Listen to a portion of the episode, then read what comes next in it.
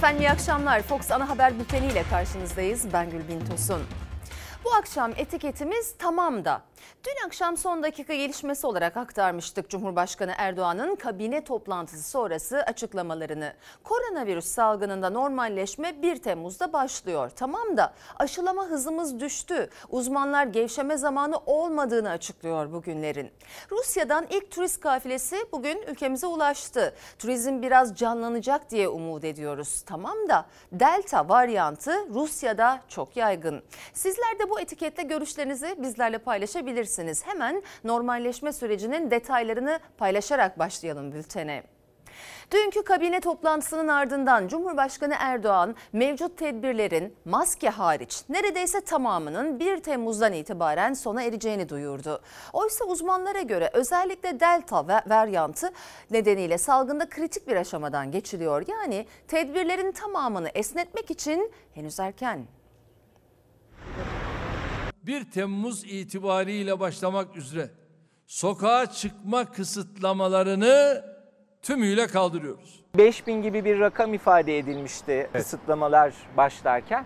Aslında oraya bile varmış değiliz. Bizim günlük 1000-1500 arası vaka sayısına düşmemiz gerekiyor. 1 Temmuz'da pazar günleri ve akşam saatlerinde uygulanan sokağa çıkma yasağıyla seyahat kısıtlaması tamamen kalkıyor. Toplu ulaşımdaki yaş sınırlaması sona eriyor. Aslında tedbirlerin bir kısmı ilk olarak 1 Haziran'da esnetilmişti. O dönem bile hedeflenen günlük vaka sayısı 5000'in altıydı. Kabineden maske hariç neredeyse tüm tedbirler için gevşeme kararı geldi. Oysa vaka sayısı hala 5000'in üstünde. Şehirler arası seyahat kısıtlamaları ile şehir içi toplu taşıma araçlarındaki sınırlamalar sona eriyor. Türkiye istikrarlı bir azalmaya girdi evet.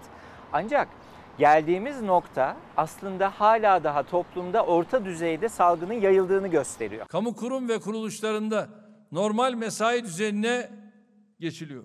Bir buçuk yıl aradan sonra 1 Temmuz'dan itibaren oyun yasağının kaldırılması kahveci esnafımıza, çalışanlara ve tüm müşterilere hayırlı olsun. TESK Başkanı Bendevi Palandöken de Erdoğan'ın açıkladığı adımlara kahvehanelerdeki oyun yasağının da sona ereceğini ekledi. Vaka sayılarının hala yüksek olmasının yanı sıra uzmanları en çok endişelendirense delta mutasyonu. %60 daha bulaşıcı. Üstelik bu mutasyona en çok rastlanan yerlerden biri Rusya ve Türkiye Rus turistlere kapılarını açtı. İlk etapta 12 bin kişi bekleniyor Rusya'dan. İlk kafile sabahın erken saatlerinde Antalya'ya indi.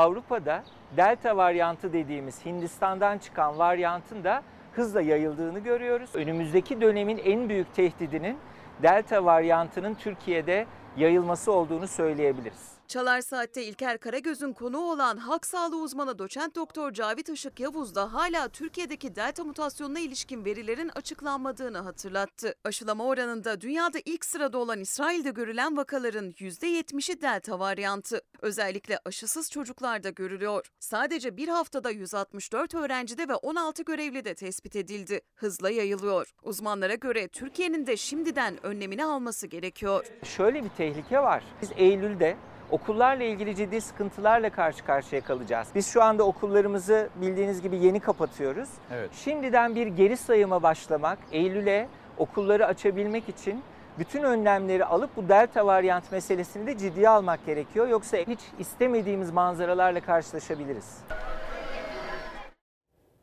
Hiç istemediğimiz manzaralarla karşılaşmamak için şu aşamada en önemli konu aşı. Aşıyı olmak ya da olmamak elbette kişinin anayasayla güvence altına alınmış hakkı. Çok elzem durumlar dışında. Ben buradan bir aşının reklamını yapmıyorum. Bilim ne diyorsa onu aktarıyorum. Uzmanlar aşı, maske, mesafe, temizlik diyorlar artık. Hangi ülkenin hangi tür ve isimli aşısı olursa olsun kendi doktorunuzun önerdiği aşıyı olmanın önemine bir kez daha dikkat çekmek istiyorum. Sayın seyirciler geçen hafta günlük ortalama 1,5 milyonu bulan aşılamayla Türkiye nüfusa göre dünyada birinciydi. Ancak bu hafta aşılama hızı düştü. Daha çok kişi ulaşabilsin diye alışveriş merkezlerine aşı alanları kuruldu. Yerli aşıdaysa faz 3 çalışmalarına geçildi. İsminin ise Türkovak olacağı açıklandı. Kolunuzu gevşek tutun, derin bir nefes alın.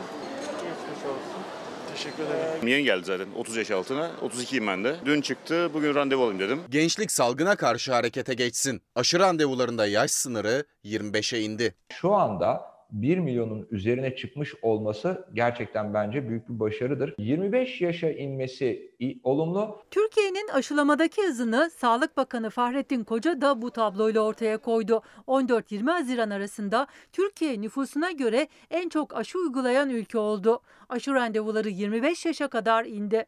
Ancak yeni haftada geçen haftaki hızın gerisinde Türkiye. Hızlanabilmek için alışveriş merkezlerine bile randevusuz aşı standları kuruldu. Bu uygulama daha çok işimize geldi. Hem evimize de yakın, işimize de yakın. Ee, büyük bir kolaylık oldu bence. Birazcık daha teşvik edici geldi bana. Salgından kurtulmanın tek yolu aşı. Bu yüzden de ülke genelinde tam bir seferberlik başlatıldı. Hastanelerden ve aile sağlığı merkezlerinden sonra aşılama artık alışveriş merkezlerinde de yapılıyor. Daha kolay oldu. Ee, Aile hekimine gidecektim. Yer yoktu, sıra yoktu. O yüzden buraya geldim.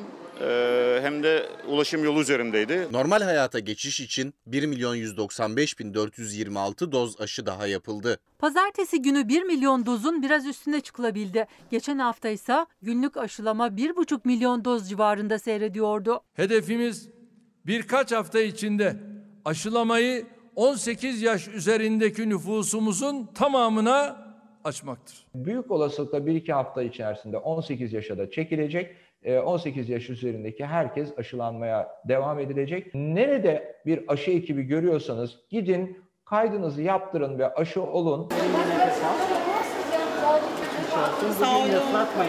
Asıl amacımız öncelikli olarak çalışanlara hizmet amaçlıydı ama e, vatandaştan da yoğun istek olunca e, Sağlık Bakanlığı'nın onay verdiği her türlü vatandaşa randevusuz anında aşı uygulaması yapıyoruz. Bu çok büyük bir rahatlık. Zaman kaybetmiyoruz. Ben zamanım olmadığı için randevu alamamıştım. Bu, bu, bu alışveriş merkezinde de görev yapıyorum. Aynı anda burada bunu da yaptırmak benim için çok hayırlı oldu. Hepsinde değil ama bazı alışveriş merkezlerinde açık oldukları saat aralığında aşı yapılıyor.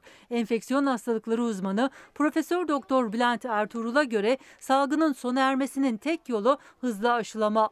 Toplumun %75'inin aşılanması gerekiyor. Henüz Türkiye çift doz aşıda %17,4'te. Sonbahara kadar bu işi bitirmeliyiz ki çocuklarımız okullarına, gençlerimiz üniversitelerine kavuşsun, insanlar tiyatrolara, e, konserlere, sinemalara kavuşsun. Bunu yapabilmemizin tek koşulu bir an önce toplumsal bağışıklığı sağlayabileceğimiz aşı oranını tutturmak. Faz 3 safhasına gelen, son safhasına gelen bir aşımız artık var. Yerli aşıda da faz 3 çalışmalarına geçildi. Aşının ismi ilk kez duyuruldu. Türkovak gönüllülere uygulanmaya başlandı. Artık kendi aşımıza sahip olma konusunda son dönemece girmiş bulunuyoruz.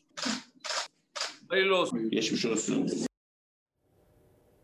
Yerli aşımızın milletimize ve tüm dünyaya hayırlı olmasını diliyorum.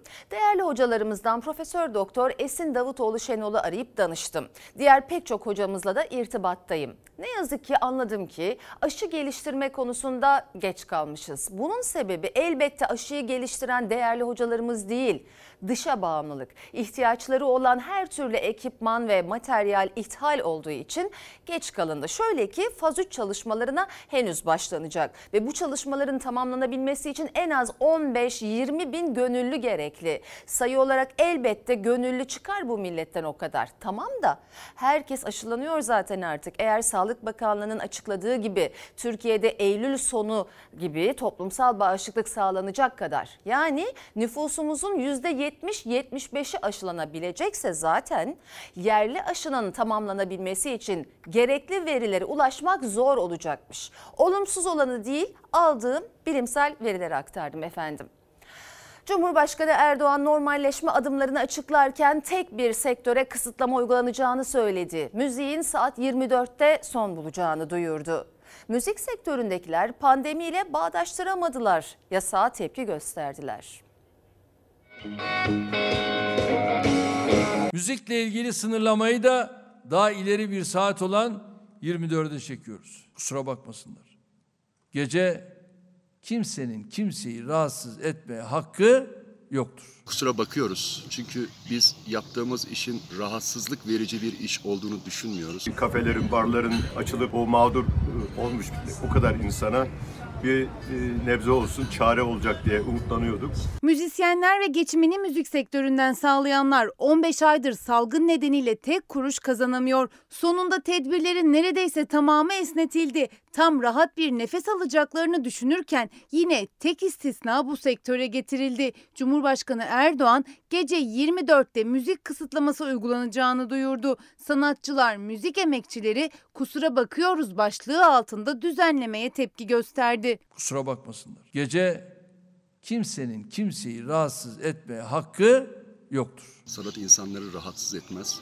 Sayın Cumhurbaşkanımız kusura bakmasın. Bunlar e, ruhsatlı yerler. Yani İçişleri Bakanlığı böyle bir karar aldı da bu ruhsatlar ruhsatları iptal edildi. Yani bizlerin ve mekan sahiplerinin mi haberi yok? Kimse kimseyi rahatsız etmedi. Evet işte ama ölçülüyor işte rahatsız etmiyor. Rahatsız etmenin belgelediğim halde bana diyor ki açma. Müzikli işletmeler 1 Temmuz'dan itibaren gece 24'e kadar açık kalabilecek. İşletmecilerden sanatçılara kadar sektörden bu ayrıma tepki yağdı. Çünkü müzikli işletmelerin ruhsat alabilmeleri için zaten birçok kriteri taşıması gerekiyor. Bir anlamda kimseyi rahatsız etmediklerini belgeliyorlar ruhsat alabilmek için. Yasal ruhsatımız. Buna rağmen dükkanımızı açamıyoruz. iş yerimizi açamıyoruz. Anlamsız baskılar, bürokratik taciz. Burası İstanbul Beyoğlu'nda canlı müzik yapılan bir mekan ruhsatı sabah 4'e kadar canlı müzik yapılabileceğini söylüyor. O ruhsatı almak da öyle kolay değil. Buraya gelen yetkililer desibel ölçümleri yapıyor. Çevreye zarar verip vermediği test ediliyor ve bunun üzerine de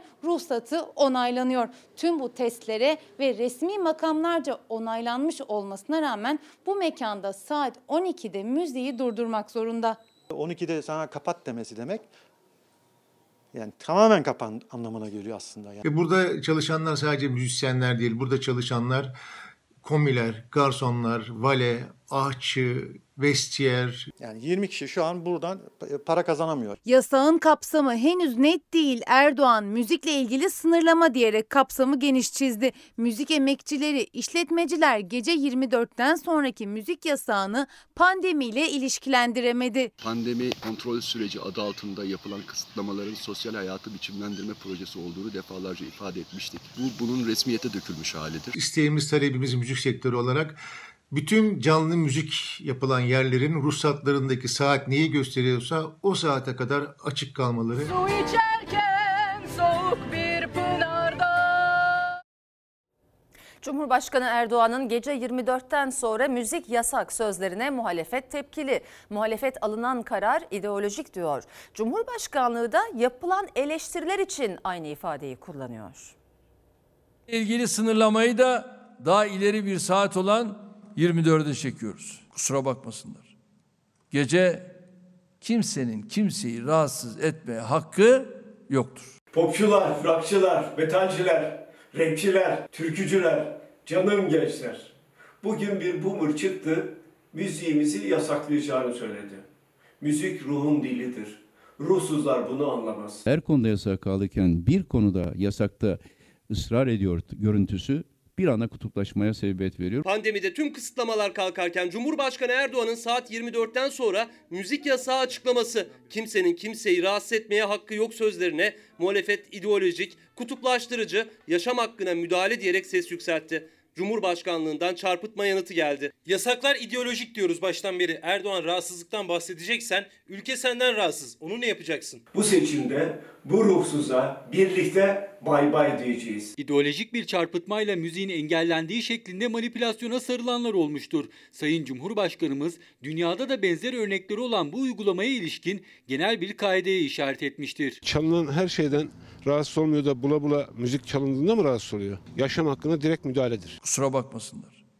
Gece kimsenin kimseyi rahatsız etme hakkı yoktur. Müzik ruhun gıdası. Ruhu hiç mi gıda istemez insanın? Çifter çifter maaş alan beslemelerin var. Bundan rahatsız olmuyorsun da müzikten rahatsız oluyorsun. Devleti soyanlardan rahatsız olmuyorsun ama müzikten rahatsız oluyorsun. Muhalefet gece 24'ten sonra müzik yasağının pandemiyle mücadeleyle ilgisi olmadığını, yaşam hakkına müdahale olduğunu söylüyor. Türkiye'de kamu düzeni var. Belli saatlerde, belli mekanlarda yüksek sesle müzik yapmanın doğurabileceği rahatsızlığı herkes kendisini kontrol eder, gerekli tedbiri alır.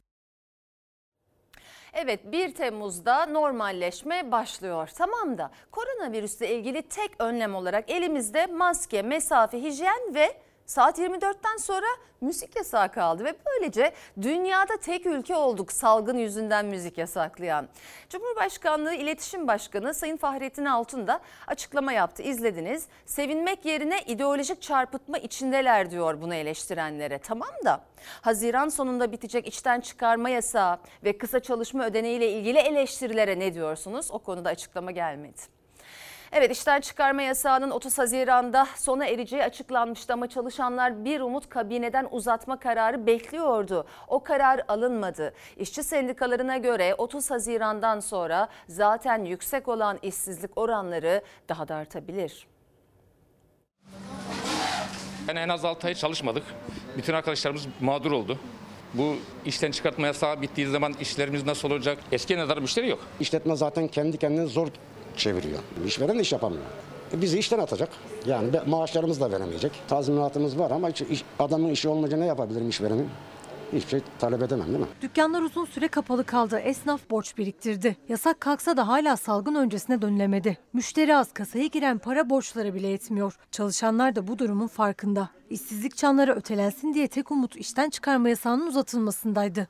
Kabineden o karar çıkmadı. Diske göre 30 Haziran'dan sonra yüz binlerce çalışan işsiz kalabilir. Çünkü aynı tarihte işsizlik fonundan karşılanan kısa çalışma ödeneği ve ücretsiz izin de sona eriyor. 2,5 milyondan fazla işçi işverenler tarafından ücretsiz izne çıkartıldı. Haziran ayı sonu itibariyle işten çıkarma yasağının ve kısa çalışma uygulamasının sonlandırılması ise yaşanan bu gelir kaybını ve işsizliği çok daha ciddi bir biçimde olumsuz etkileyecektir. Salgın önce 25 kişi çalışıyordu. Şu anda 12 kişi çalışıyor. Ücretsiz izindeler. İşte bu ay sondur. Kısa çalışma izinleri e, sondur bu ay. Ne yapacağız bilmiyoruz. Görüyorsun e, işler güçler de yoktu zaten. Böyle giderse 6'ya indireceğiz herhalde.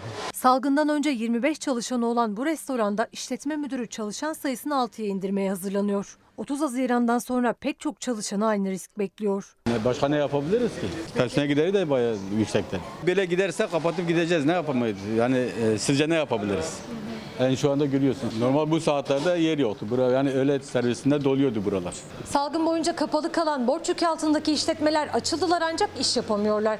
Bu süreçte dükkanı döndüremeyen, maliyetlerini karşılayamayan birçok işletme ise işten çıkarma yasağı sona erince mecburen çalışanlarını işten çıkaracak. Yani bu süreçte işsizlik daha da artacak. Türkiye tarihinin en büyük iş ve istihdam kaybını yaşıyoruz. İşten çıkarma yasağına rağmen zaten işsizlik oranları hız kesmedi. TÜİK'e göre %13,9'a yükseldi. Resmi kayıtlar 4 milyon 511 bin işsiz olduğunu söylüyor.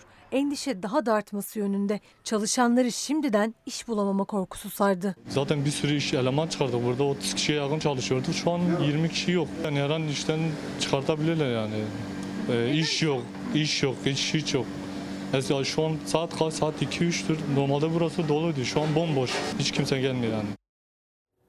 Ali Bey diyor ki tamam da ben Mersin Silifke'den kahveci esnafım. 1 Temmuz'dan itibaren kahvelerde oyun oynamak yasak mı serbest mi? Serbest efendim İlk haberimizde vardı. Sercan Hanım tamam da hala vaka sayıları yüksekken normalleşme ne kadar doğru anlayabilmiş değilim. Rusya'daki delta mutasyonunu aktardığımız haberdeki e, tehlikeye dikkat çekiyor. Eylül-Ekim aylarında yine sıkıntı kapıda demiş. Son olarak da her şey iyi tamam da saat 24'ten sonra müzik niye yasak? İşte kimsenin anlayamadığı konuda o zaten. Ve Sedat Peker'den ayda 10 bin dolar alan siyasetçi tartışması ve hakkındaki soruşturmaya rağmen Sezgin Baran Korkmaz'ın mal varlıkları üzerindeki tedbirin nasıl kalktığı, yurt dışına nasıl çıktığı tartışmaları siyasetin gündemindeki yerini koruyor. Kemal Kılıçdaroğlu Süleyman Soylu'ya seslendi. Peker'den ayda 10 bin doları kimin aldığını söylemezsen adam değilsin dedi. 10 bin doları da soruyor. Çık Adam gibi cevap ver. Adam gibi cevap vermezsen adam değilsin. Ayda kime 10 bin dolar para gönderiyorsa hangi siyasetçiye oradan sor. Her ay 10 bin dolarlık rüşveti alan siyasetçiyi hiç merak etmedin mi Sayın Bahçeli? Kim bu siyasetçi diye sormadın mı Sayın Bahçeli? İçişleri Bakanı Süleyman Soylu'nun açıkladığı Sedat Peker'den ayda 10 bin dolar alan siyasetçi için Kılıçdaroğlu Cumhur İttifakı ortaklarına seslenirken Cumhurbaşkanının son Azerbaycan seyahatinde yanında olan gazetecilere de yüklendi. Bir siyasetçi her ay 10 bin dolar rüşvet alıyor. Bir gazeteci bu soruyu soramıyor. Ya uçaktasın. Niye sormuyorsun? Hazır Erdoğan da orada. Her şey yargı tarafından araştırılıp tüm yalanlar, iftiralar ortaya dökülecektir. Esnaf kardeşime soruyorum. Borcunu ödemedin diye icra memuru kapına geliyor. Ama 750 milyon dolar tokatlayan adama hiçbir şey olmuyor. Firari Sedat Peker'in dile getirdiği Demirören grubuna Ziraat Bankası'ndan 750 milyon dolarlık kredi kullandırıldığı ve Demirören'in bu krediyi ödemediği iddiası için Ziraat Bankası izliyoruz demişti. CHP lideri ödenmeyen o krediyi de hatırlattı. Peker'in uyuşturucu ticaretinden cinayete kadar diğer iddialarını da. Kendi partisinde uzun yıllar çalışmış. Cemil Çiçek soruyor. Öyle bir şey olamaz diyor. Bugüne kadar Erdoğan çıkıp bir cümle kurdu mu? Bir cümle. Kara para aklama, dolandırıcılık ve soruşturmaları etkileme suçlarından Amerika'da hakkında iddianame hazırlanan Sezgin Baran Korkmaz'ın Avusturya'da yakalanmasıyla ilgili de iktidar cephesinden bir açıklama yok. Bu kişinin yurt dışına çıkmadan önce ziyaret ettiği yerde İçişleri Bakanlığı. Sezgin Baran Korkmaz'ın yurt dışına çıkmadan bir gün önce kendisiyle görüştüğü iddiası karşısında İçişleri Bakanı da sessiz hakkında dolandırıcılık ve kara para aklama soruşturmasına rağmen Baran Korkmaz'ın mal varlıkları üzerindeki tedbir ve yurt dışı yasağı nasıl kalktı tartışması da sürüyor. 5-11-2020 tarihli Mali Suçlar Araştırma Kurulu Başkanlığı'nın yazısı ve tüm dosya kapsamında yapılan değerlendirmede somut bulguların soruşturmada gelinen aşamada tespit olunamadığı, el konulan gerçek ve tüzel kişilerin mal varlıkları üzerindeki tüm tedbirlerin kaldırılmasına. İstanbul 3. Suç Ceza Hakimliği Masan 5 Kasım tarihli yazısına istinaden Baran Korkmaz'ın mal varlıkları üzerindeki tedbirin kaldırılmasına karar vermişti. Masaksa 5 Kasım tarihli bir raporumuz yok dedi. Bu kişinin masak raporu olmadan tahliye edilmesini isteyen de başsavcı vekili. Bu işlerin başında kim var? Bu talimatları kim veriyor? Hakkında soruşturma olmasına rağmen 6 Kasım 2020 tarihinde önce Baran Korkmaz'ın mal varlıkları üzerindeki tedbir kalktı. 10 gün sonra da yurt dışına çıkış yasağı. Baran Korkmaz'ın yurt dışına kaçışına imkan veren o kritik kararlar nasıl alındı? Muhalefet yanıt arıyor. Gazeteci Süleyman Özışık, KHK kanun hükmünde kararnameyle kamudan ihraç edilen binlerce kişinin dosyalarını İçişleri Bakanı ve Olağanüstü Hal Komisyonu'na götürerek e, işe iadelerine aracılık ettiğini söyledi. Muhalefet bu sözlere FETÖ, FETÖ borsasının itirafı dedi. Gerek Süleyman Soylu'ya, gerek OHAL işlemleri komisyonuna, gerek diğer mercilere bugüne kadar masum olduğuna inandığım binlerce insanın dosyasını götürdüm. Ve araştırmalar yapıldı. Hepsinin görevlerini iade edildi. FETÖ borsası dediğimiz işte budur. Paranı alırsın, adamını bulursun, dosyayı götürürsün, seni hapisten çıkarır. FETÖ borsası budur işte. Gazeteci Süleyman Özışık'ın sözleri FETÖ ile mücadelede yeni bir tartışma başlattı. Kılıçdaroğlu'ndan FETÖ borsasının itirafı tepkisi yükselirken AK Parti'de açıklama yaptı. Binlerce dosyayı aldım, Süleyman Soylu'ya götürdüm. Hepsini kurtardı Süleyman Soylu. Bedava mı yaptın? Bir de o hal inceleme komisyonu var. Niye kurdunuz ki? Bu adamı getirir onun başına zaten. Yasal düzenlemeler neyi emrediyorsa oluşturulmuş olan komisyonların çalışmaları bu yasal düzenleme çerçevesinde hayata geçmektedir. O onu dedi, bu bunu dedi diye değil. Firari Sedat Peker'le ilişkisi olduğu iddia edilen gazeteci Süleyman Özışık'ın bir yıl önce yaptığı bir konuşma yeni gündeme düştü. Süleyman Özışık, İçişleri Bakanı ve OHAL Komisyonu ile görüştüğünü, KHK ile ihraç edilen binlerce kişinin işlerine iadesinde aracılık ettiğini söylüyor. Binlerce insanın dosyasını götürdüm. Bu insanlar eğer masum çıkmazsa hesabını benden sorun dedim. Ve araştırmalar yapıldı ve hepsi iade edildi. Savcı mısın sen? Hakim misin sen? Avukat mısın sen? Nereden biliyorsun bunların mağdur olduğunu? Nerede bu binlerce dosya hangi dosyalar? Muhammed Şakiroğlu Üsküdar'da hiç tanımadığım şu ayıp diye biri. Balıkesir'de arkadaşlarım var, Bingöl'de arkadaşlar var. Yüzlerini görmedim. Dosyalarına baktım, inandım. Biz herkese bir Süleyman Özışık bulun mu diyeceğiz? 15 Temmuz sonrası FETÖ ve başka gerekçelerle 150 binin üzerinde kamu görevlisi KHK ile ihraç edildi. Oluşturulan OHAL komisyonuna 126 bin itiraz yapıldı. Sadece 14 bin 72 kişi işine iade edildi. Bir gazeteci İçişleri Bakanı ve OHAL komisyonu ile temasa geçerek KHK'lıların işe iadesini nasıl sağladı sorusu siyasetin gündeminde. İçişleri Bakanlığı ise o gazeteciye değil Kılıçdaroğlu'na yanıt verdi. Hakim var mı bu işin içinde? Yok. Savcı var mı bu işin içinde? O da yok. Avukat var mı bu işin içinde? Yok. Bir kişi var. O da bütün kara işlere, siyasetçilerle yeraltı dünyası arasındaki ilişkileri kuran birisi. Parasız hiçbir iş yapmaz. Operasyon merkezi aynı, aktörler aynı, koro aynı. İftiradan, yalandan beslenenler aynı. Bir iftira tutmazsa diğeri servis ediliyor. Parası olmayan insanların hepsi hapiste. Harp okulu öğrencilerin ne günahı var? Paraları yok. Aileleri fakir. Paraları olsa onlar da götürecekler dosyayı, verecekler. Hukuk düzenine, dışarıdan müdahalelere hiçbir zaman müsaade etmediğimizi ifade ediyorum. AK Partili Cahit Özkan da Özışık'ın sözlerine rağmen OHAL komisyonuna dışarıdan müdahale olmaz dedi. Süleyman Soylu da sessiz, OHAL komisyonu da. MHP lideri Devlet Bahçeli, HDP İzmir İl binasına yapılan saldırıda öldürülen Deniz Poyraz için milis işbirlikçi ifadesini kullandı. HDP eş genel başkanı Pervin Buldan, Bahçeli'ye sert sözlerle yanıt verirken iki parti kapatma davası üzerinden de karşı karşıya geldi. Öldürülen Deniz Poyraz'ın kim olduğunu ben size söyleyeyim. PKK sempatizanlarını terör kamplarına sevk eden halkanın içinde yer alan milis işbirlikçisidir. Örgütün hain eylemlerine yardım ve yataklık yapan terörist demektir. Hükümetin küçük ortağı da Deniz Poyraz'ı hedef göstermiştir. Katille dil birliği yapmıştır. Biz bu cinayeti reddediyoruz. Katilin ve işbirlikçilerinin en ağır cezaya çarptırılmasını istiyoruz. HDP'nin İzmir il binasına yapılan saldırıda Deniz Poyraz hayatını kaybetti. MHP lideri bu cinayeti kabul etmiyoruz dedi ama Deniz Poyraz'a da terörist suçlamasını yöneltti. Grup salonunu Poyraz'ın fotoğraflarıyla donatan HDP'den Bahçeli'ye yanıt sert sözlerle geldi. Var mı bu ülkede küçük ortağa haddini bildirecek olan yürekli bir savcı? Öyle bir gün seçilmiştir ki binada tek bir HDP'li yönetici yoktur. Hatta planlı bir toplantı da iptal edilmiştir. Neden daha fazla HDP'li öldürülmedi diye adeta yakınmıştır. İktidarın küçük ortağı içinin soğumadığını bir kez daha alenen ortaya koymuştur. Bu katil gerçekte kimdir? HTS kayıtları çıkarılmış mıdır? Bu cinayetin önü, arkası, sağı, solu, altı, üstü sonuna kadar araştırılmalıdır. Biz de Hodri Meydan diyoruz. Bugün grubumuz araştırma komisyonu kurulması için önerge verecek. Sağında solunda kim varsa açığa çıksın. Çıkartmayan namerttir. O araştırma önergesi AK Parti ve MHP oylarıyla reddedildi. HDP'nin kapatılması istemiyle hazırlanan iddianamenin AYM tarafından kabulü de iki parti arasında tansiyonu yükseltti. Terörizmin siyaset ayağı hiçbir at altında açılmamak üzere kapatılmalıdır. Siz zaten siyaseten bitmişsiniz, kapanmışsınız. Bu çağrıları yapsanız ne olur, yapmasanız ne olur ya? MHP HDP hattında polemik sert.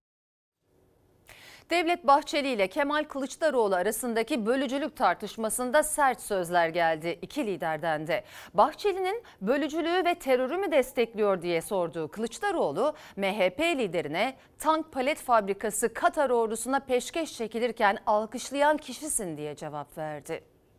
Kılıçdaroğlu elini vicdanına koyup söylesin. Bölücülüğü, terörü ve şiddeti mi destekliyor? Yoksa Türkiye'nin ve şühedanın safında mı duruyor? Biz şanlı ordumuzun tank palet fabrikasını Katar ordusuna peşkeş çekilirken itiraz eden kişileriz. Sen ise Katar ordusuna peşkeş çekilirken alkışlayan kişiydin. Şimdi söyle bakalım. Vatanın birliğinden ve bütünlüğünden kim yana? MHP liderinin sorularına, suçlamalarına sert üslup ve yüksek perdeden yanıt verdi Kılıçdaroğlu. İki lider arasında tansiyon yüksek. Kılıçdaroğlu demokrasilerde parti kapatmak yanlış diyor. HDP'yi savunuyor. Bölücülüğün avukatlığına utanmadan soyunuyor. Biz kendi vatan topraklarını, Süleyman Şah Türbesi'ni, Türkiye Cumhuriyeti Devleti'nin bayrağını indirip kaçıp toprağa düşmana teslim edenlerden yana değiliz. Sen ne yaptın? Kaçanları alkışladın. Bayrağı indirenleri alkışladın. Şimdi söyle bakalım. Kim bölücü? Kim milliyetçi? Kim ülkücü? Kılıçdaroğlu'nun ağzındaki bakla zehirlidir. Bayrağı indirip kaçacaksın, alkışlayacaksın, dönüp bana soracaksın. Sen bayraktan yana mısın, sen vatandan yana mısın? Hadi canım. Hadi canım. Kılıçdaroğlu öfkeliydi. Bahçeli'nin terörle işbirliği suçlamalarına karşı iktidar ortaklığı üzerinden yüklendi. Ben ve arkadaşlarım ve bütün dostlarımız Türkiye'nin birliğinden ve bütünlüğünden yanayız. Kılıçdaroğlu'nun dostları arasında PKK'nın FETÖ'nün sıralamadaki yeri neresidir? Bir esnafın derdini dinledin mi Sayın Bahçeli? Bir garibanın derdini dinledin mi Sayın Bahçeli? Biz ve dostlarımız bu coğrafyada hiç kimsenin yatağa girmemesini savunuyoruz. Acaba terörist Demirtaş, terörist Karayılan Kılıçdaroğlu'nun dostu mudur? Sen saray ve beslemelerinin bir yerden, beş yerden maaş alanları alkışlıyorsun. Vatanın birliğini ve bütünlüğünü sen mi savunuyorsun? İki lider arasındaki polemik sözlere bakılırsa daha da büyüyecek gibi. AK Parti'nin Makine Kimya Endüstrisi Kurumu'nun anonim şirkete dönüştürülmesi için meclise verdiği kanun teklifi işçi ve muhalefeti ayağa kaldırdı. Kırıkkale'de toplanan binlerce kişi yasa teklifine tepki gösterdi. Hedeflerinde hem iktidar hem de teklif karşısında sessiz kalan sendikalar vardı. Türkiye'nin göz bebeği makine kimya enstitüsünün özelleştirilmesi demek geçmişte tank palete yapılan gibi PTT'ye yapılan gibi Türk Telekom'a yapılan gibi bir milli varlığı gözden çıkarmaktır. Bunu kabul etmiyoruz. Yandaşa gelince beş maaş on maaş ama işçiye gelince makine kimyayı özelleştir. Ne yapacaksın özelleştirip yine birilerine peşkeş çekeceksin. Makine ve Kimya Endüstrisi Kurumu'nun anonim şirkete dönüştürülerek hazineye devrini sağlayacak yasa teklifine muhalefet tepkili. Kurumun merkez üssü Kırıkkale'de toplandı binlerce kişi. AK Parti ve yasa teklifini protesto etti. Makine kimya bu haliyle hantalmış. Ticari sözleşmeler yapamazmış. Dünya ile buluşamazmış.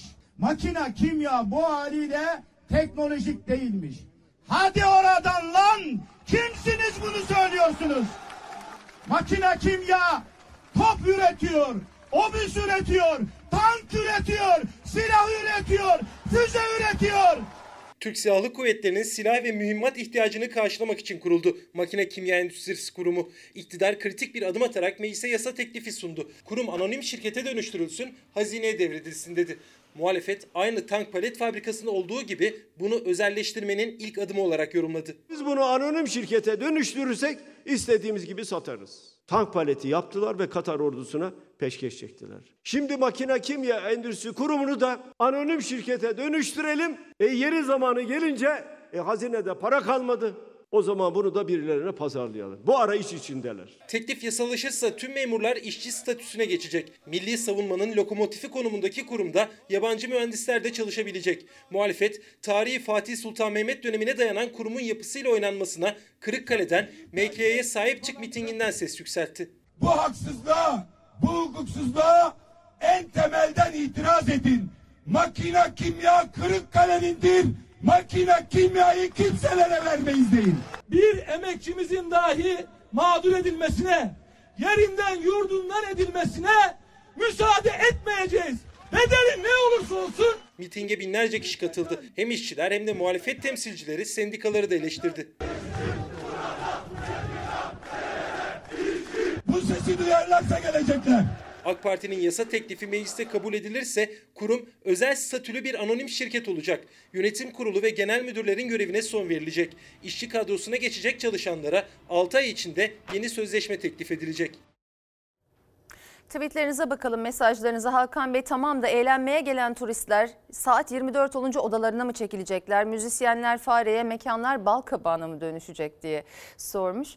Ee, Bir diğer izleyicimiz de e, öğrenci kardeşimiz. Bütün örgün ve açık öğretimler online sınav yaparken sa- sadece Anadolu Üniversitesi yüz yüze sınav yapıyor. Ayrımcılık yapılıyor. Lütfen sesimizi duyurmaya yardımcı olun. Sağlıkta ötekileştirme olmaz. Son olarak Erol Bey'in mesajına bakacağım. Tamam da kısa çalışma ödeneği ve işten çıkarma 30 Haziran'da so- sonmuş işsizlik artar diyorlar. TÜİK halleder onu demiş. Türkiye İstatistik Kurumu'nun verilerine güven kalmadı kimsede ne yazık ki. Efendim İyi Parti lideri Meral Akşener Afyonkarahisar'da, Deva Partisi lideri Ali Babacan ise İzmir'de esnaf ve vatandaş ziyaretindeydi. Liderlerin duyduğu ortak ses her şeye zam geldi geçinemiyoruz oldu. Ya şu çocuğuma bez ya Allah için benim çocuğumun ayakkabısına bakın ya. Nereye gittik bu ülke ya? Eskiden böyle miydik? Ya çarık giyiyorduk, mutluyduk ya. Ben bir kadın olarak evime bakıyorum. Bir buçuk yıldır bütün faturalarımı ödüyorum. Her de her ay zamlı zamlı. Afyonkarahisar'da bir baba kucağında çocuğuyla, İzmir'de ise işsiz bir kadın ikisi de ağlamaklı. Muhalefet liderlerine geçim sıkıntılarını anlattılar. Anlatacağım, anlatacak bir şey de bulamıyorum. Her yerim dert, her yerim dolu. İşsizim desem evet işsizim. Açım desem gerçekten açım. Ya arkadaş 30 liralık ya 60 lira oluyor. 15-20 liralık peynir 40 lira oluyor. 8-10 liralık tavuk 25 lira oluyor. İyi Parti lideri Meral Akşener Afyonkarahisar'da, Deva Partisi Genel Başkanı Ali Babacansa İzmir'de esnafın, vatandaşın, çiftçinin derdini dinledi. Adresler kişiler değişse de geçim derdi ortak başlıktı. Devlet destek veriyor 1500 lira. Zaten benim oturduğum evin kirası 1500. Elektrik, su, doğalgaz, yeme içme. Allah'tan annemiz emekli de onunla beraber yaşadığımız için. Türkiye'yi parsellemişler. 176 bin lira birisi alıyor. 60 küsur bin lira birisi alıyor. Bir emekliye bir buçuk lira maaş verdi. Onun da enflasyon farkı zamını vermiyor. Ben çiftçiyim. Toprağı bıraktık. Bir vasfı olmayıp beş tane maaş alan gencecik danışmanlar mı var? Bunun hesabını soracaksınız. Sabah dinledim 5 tane maaş alıyormuş. 8 tane maaş alıyor. Ama bir emekli memura ne ediyor? Maaşı verirken elin titriyor. Vatandaşlar da çok maaşlı bürokratları hatırlattı Akşener'e. Gençler toprak eşelesin diyen Tarım Bakanı da vatandaşın gündemindeydi. Toprağı eşelesin gençler diyor. Kendi hiç e- eşelemiş de bir şey ekmiş mi? Gelsin karısı, kızı, çocukları zırhlı arabalarda gezecekler ne? Onlar toprağı eşecek. Ömrüm benim çiftçiliğiyle geçti. Adam utanır onları demiyor. Köylüde mesela 3 tane inek var. Şimdi 3 ineği de yok. E niçin köylü? Köylü şimdi şehre gidiyor. Burada yüzde yetmiş, yüzde seksen oy alıyor. AK Parti alıyor, alıyor. Ondan sonra bir şey yok. Mekan sahipleri olarak yine 20 milyar dükkan kirası ödüyorsun 500 lira destek paketi veriyor. Bana versen ne olur, vermesen ne olur. Muhalefet liderleri ekonominin, geçim derdinin nabzını sokakta tutmayı sürdürüyor. Çiftçiler bir kez daha Ankara'da seslerini duyurmaya çalıştı. 8. kez başkentte hükümete seslendiler. 30 kilo ineklerim veriyordu 30 kilo. Ne inek kaldı ne dana kaldı ne davar kaldı ne koyun kaldı. Ödüyorum ödüyorum halen borç halen borç. Bir ton gübre 5 milyar o- 5 milyar oldu. E, mazotun litresi 7 lira oldu. Bir kuruş yok. Çiftçi çiftçi rezil rezil rezil rezil daha ne diyeyim ya ne diyeyim ya. Gübresi, mazotu, yemi maliyeti son bir yılda neredeyse iki katına çıkan çiftçi besici sesini duyurabilmek için Ankara'daydı. 8. eylemlerinde bir kez daha hükümete seslendiler. 650-700 kilometre yol tepip böyle geldik. Maalesef defalarca geldik. Hükümetimiz sesimizi duymuyor. Bir destekle bizi alamıyoruz ki. Çünkü hesaplarımıza el konulmuş durum. Çiftliğim, arazilerim hepsi ipotekli. Eve gidemiyorum bir seneden beri. Benim çektiğimi ben biliyorum ben. Emanet para aldığımda geldim buraya. Tarık Sultan duydu ya. Yemek kim para verecek ya bu yüz küsür olmuş çuvalı ya. Bir çare Allah rızası için ya. Öleceğiz zaten zaten zaten öldük ya. Mazot olmuş 7300 lira. Gübre olmuş 150-200 lira. Çiftçi ve üretici şu anda çok perişan. Bize çare. Yardım edin. Bilecik'te çiftçilik yapan İsmail Ayaz kiraz ağaçlarını kökünden kesti. Çünkü ürünü para etmiyor, toplaması daha maliyetli. Kiraz para etmiyor. İstanbul'a vardığın zaman 15-20 liraya kiraz yiyor vatandaş. Çocukla bakıyoruz. 6 ay, 7 ay sürümü, kazımı, ilaçlaması. Çocuk büyütür gibi binbir emekle gözleri gibi baktıkları ürünlere artık giderlerini karşılamayı yetmiyor. Bir de üstüne bazı bölgeleri kuraklık vurdu. Destek ümidiyle çiftçiler Ankara'nın yolunu tuttu. Desteklerin yapılması gerekir. Yoksa bu işler artık doğayla olmuyor yani. 15-20 tane hayvanım var satacağım. Başka türlü hiç çaresi çözümü yok. Çünkü batık vaziyetteyim şu anda. Benim 2 trilyon 300 borcum vardı. Ana param 700 lira. Ekim ayında %30'unu ödeme şartı var. Biz bunu hiçbirimiz ödeyemeyiz. Hiçbir kimse ödeyemez. Borç 250-300 milyar. Faizin üstüne faiz koyup ertelersiz de onun hiçbir faydası yok.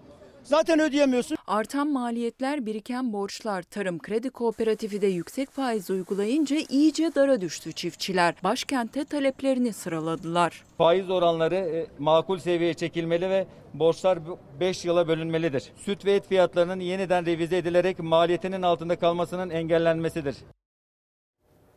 Deniz salyası nedeniyle deyim yerinde ise entübe olan Marmara Denizi oksijen cihazına bağlandı. 5 ayrı noktadan denizin 30 metre derinliğine oksijen verilmeye başlandı.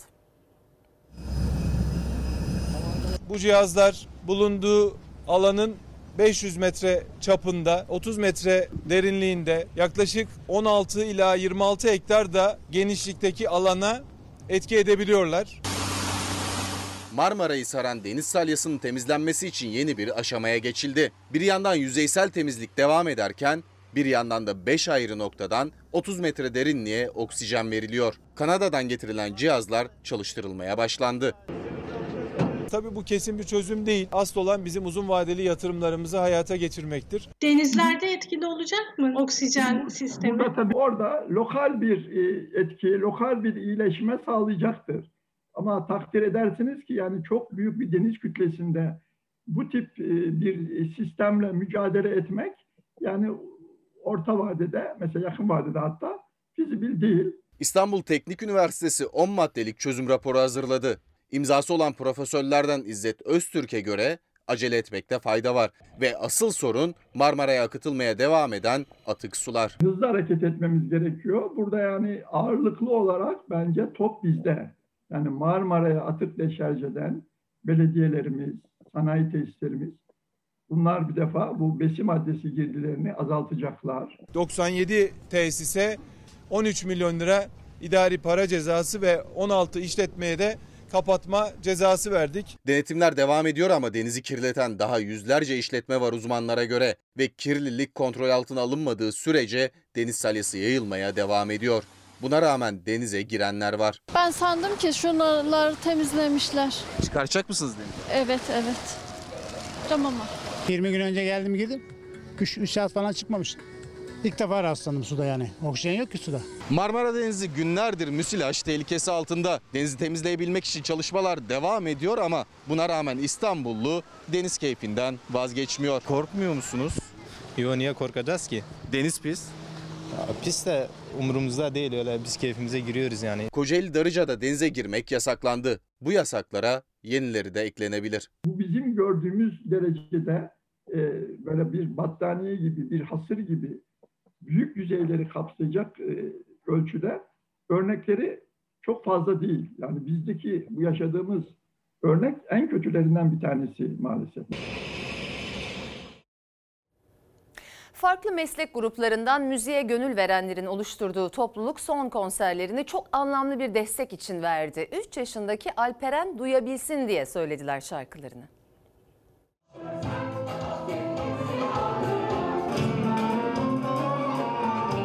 İlk defa böyle bir yardım amaçlı bir çocuğun sağlığını yerine e, getirmek için bunu hedefleyen e, bir şekilde ilk defa yola çıktık. O yüzden de son derece heyecanlıyız. Ne oynuyorsun? Kitap mı okuyorsun? Alper'in kulakları, kulak deliği yok, kulak kanalı yok. Ayrıca sağ kulak içindeki kıkırdağımız yok. E, Alper'in e, kendisine Amerika'da ameliyat olması gerekiyor. 3 yaşındaki Alperen'in doğuştan iki kulağı da yok. Aslında ameliyatı var ama Türkiye'de gerçekleştirilmiyor. Alperen'in Amerika'da ameliyat olabilmesi içinse 200 bin dolar yani 1 milyon 750 bin lira gerekiyor. Her yaştan ve farklı meslek gruplarından sanatseverlerin bir araya geldiği müzik topluluğu da en anlamlı konserlerinden birini verdi. Alperen için sahnedeydiler.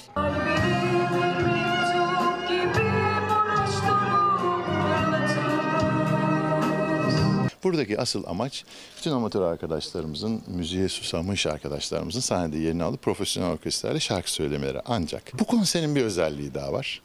3 yaşında bir çocuğumuz var. İki kulağı da doğuştan yok. Alperen. Ona da destek vermeye çalışıyoruz. Bizim için normalleşmeye doğru ilk adım diye düşünüyoruz. Ee, sanat ruhun gıdası. Hepimiz buna aç kaldık. Doktor Özgür Şamilgil gibi amatör müzik severlerden oluşan Ömer Öcal Mozaik Sanat Topluluğu Gökkuşağı konserleri serisine bir yenisini ekledi. İzmir'de yaşayan Alperen Çelik duyabilsin diye söylendi bu kez tüm şarkılar. İzmir'deki Alperen'e ses olacağız. Onun hayatının gökkuşağının bir parçası olacağız konserimizin gökkuşağı gibi. Alper'in Amerika'da e, iki kulağında ameliyat olması gerekiyor ve 200 bin dolar kadar bir e, meblağ ihtiyacımız Anne. var. Bunun için kampanyalar Anne. başlattık. Anne. Sağ olsun konserlerle eşlik ediyorlar. Alperen'in ameliyatı için tüm hazırlıklar tamamlandı. Ancak henüz ailesi paranın yarısına ulaşabildi. Bu konserle kampanyalarının daha da duyulmasını ümit ediyorlar. 8 Şubat'ta ameliyatımız olacak. Çünkü çok da az bir süremiz kaldı maalesef. Desteklerinizi bekliyoruz.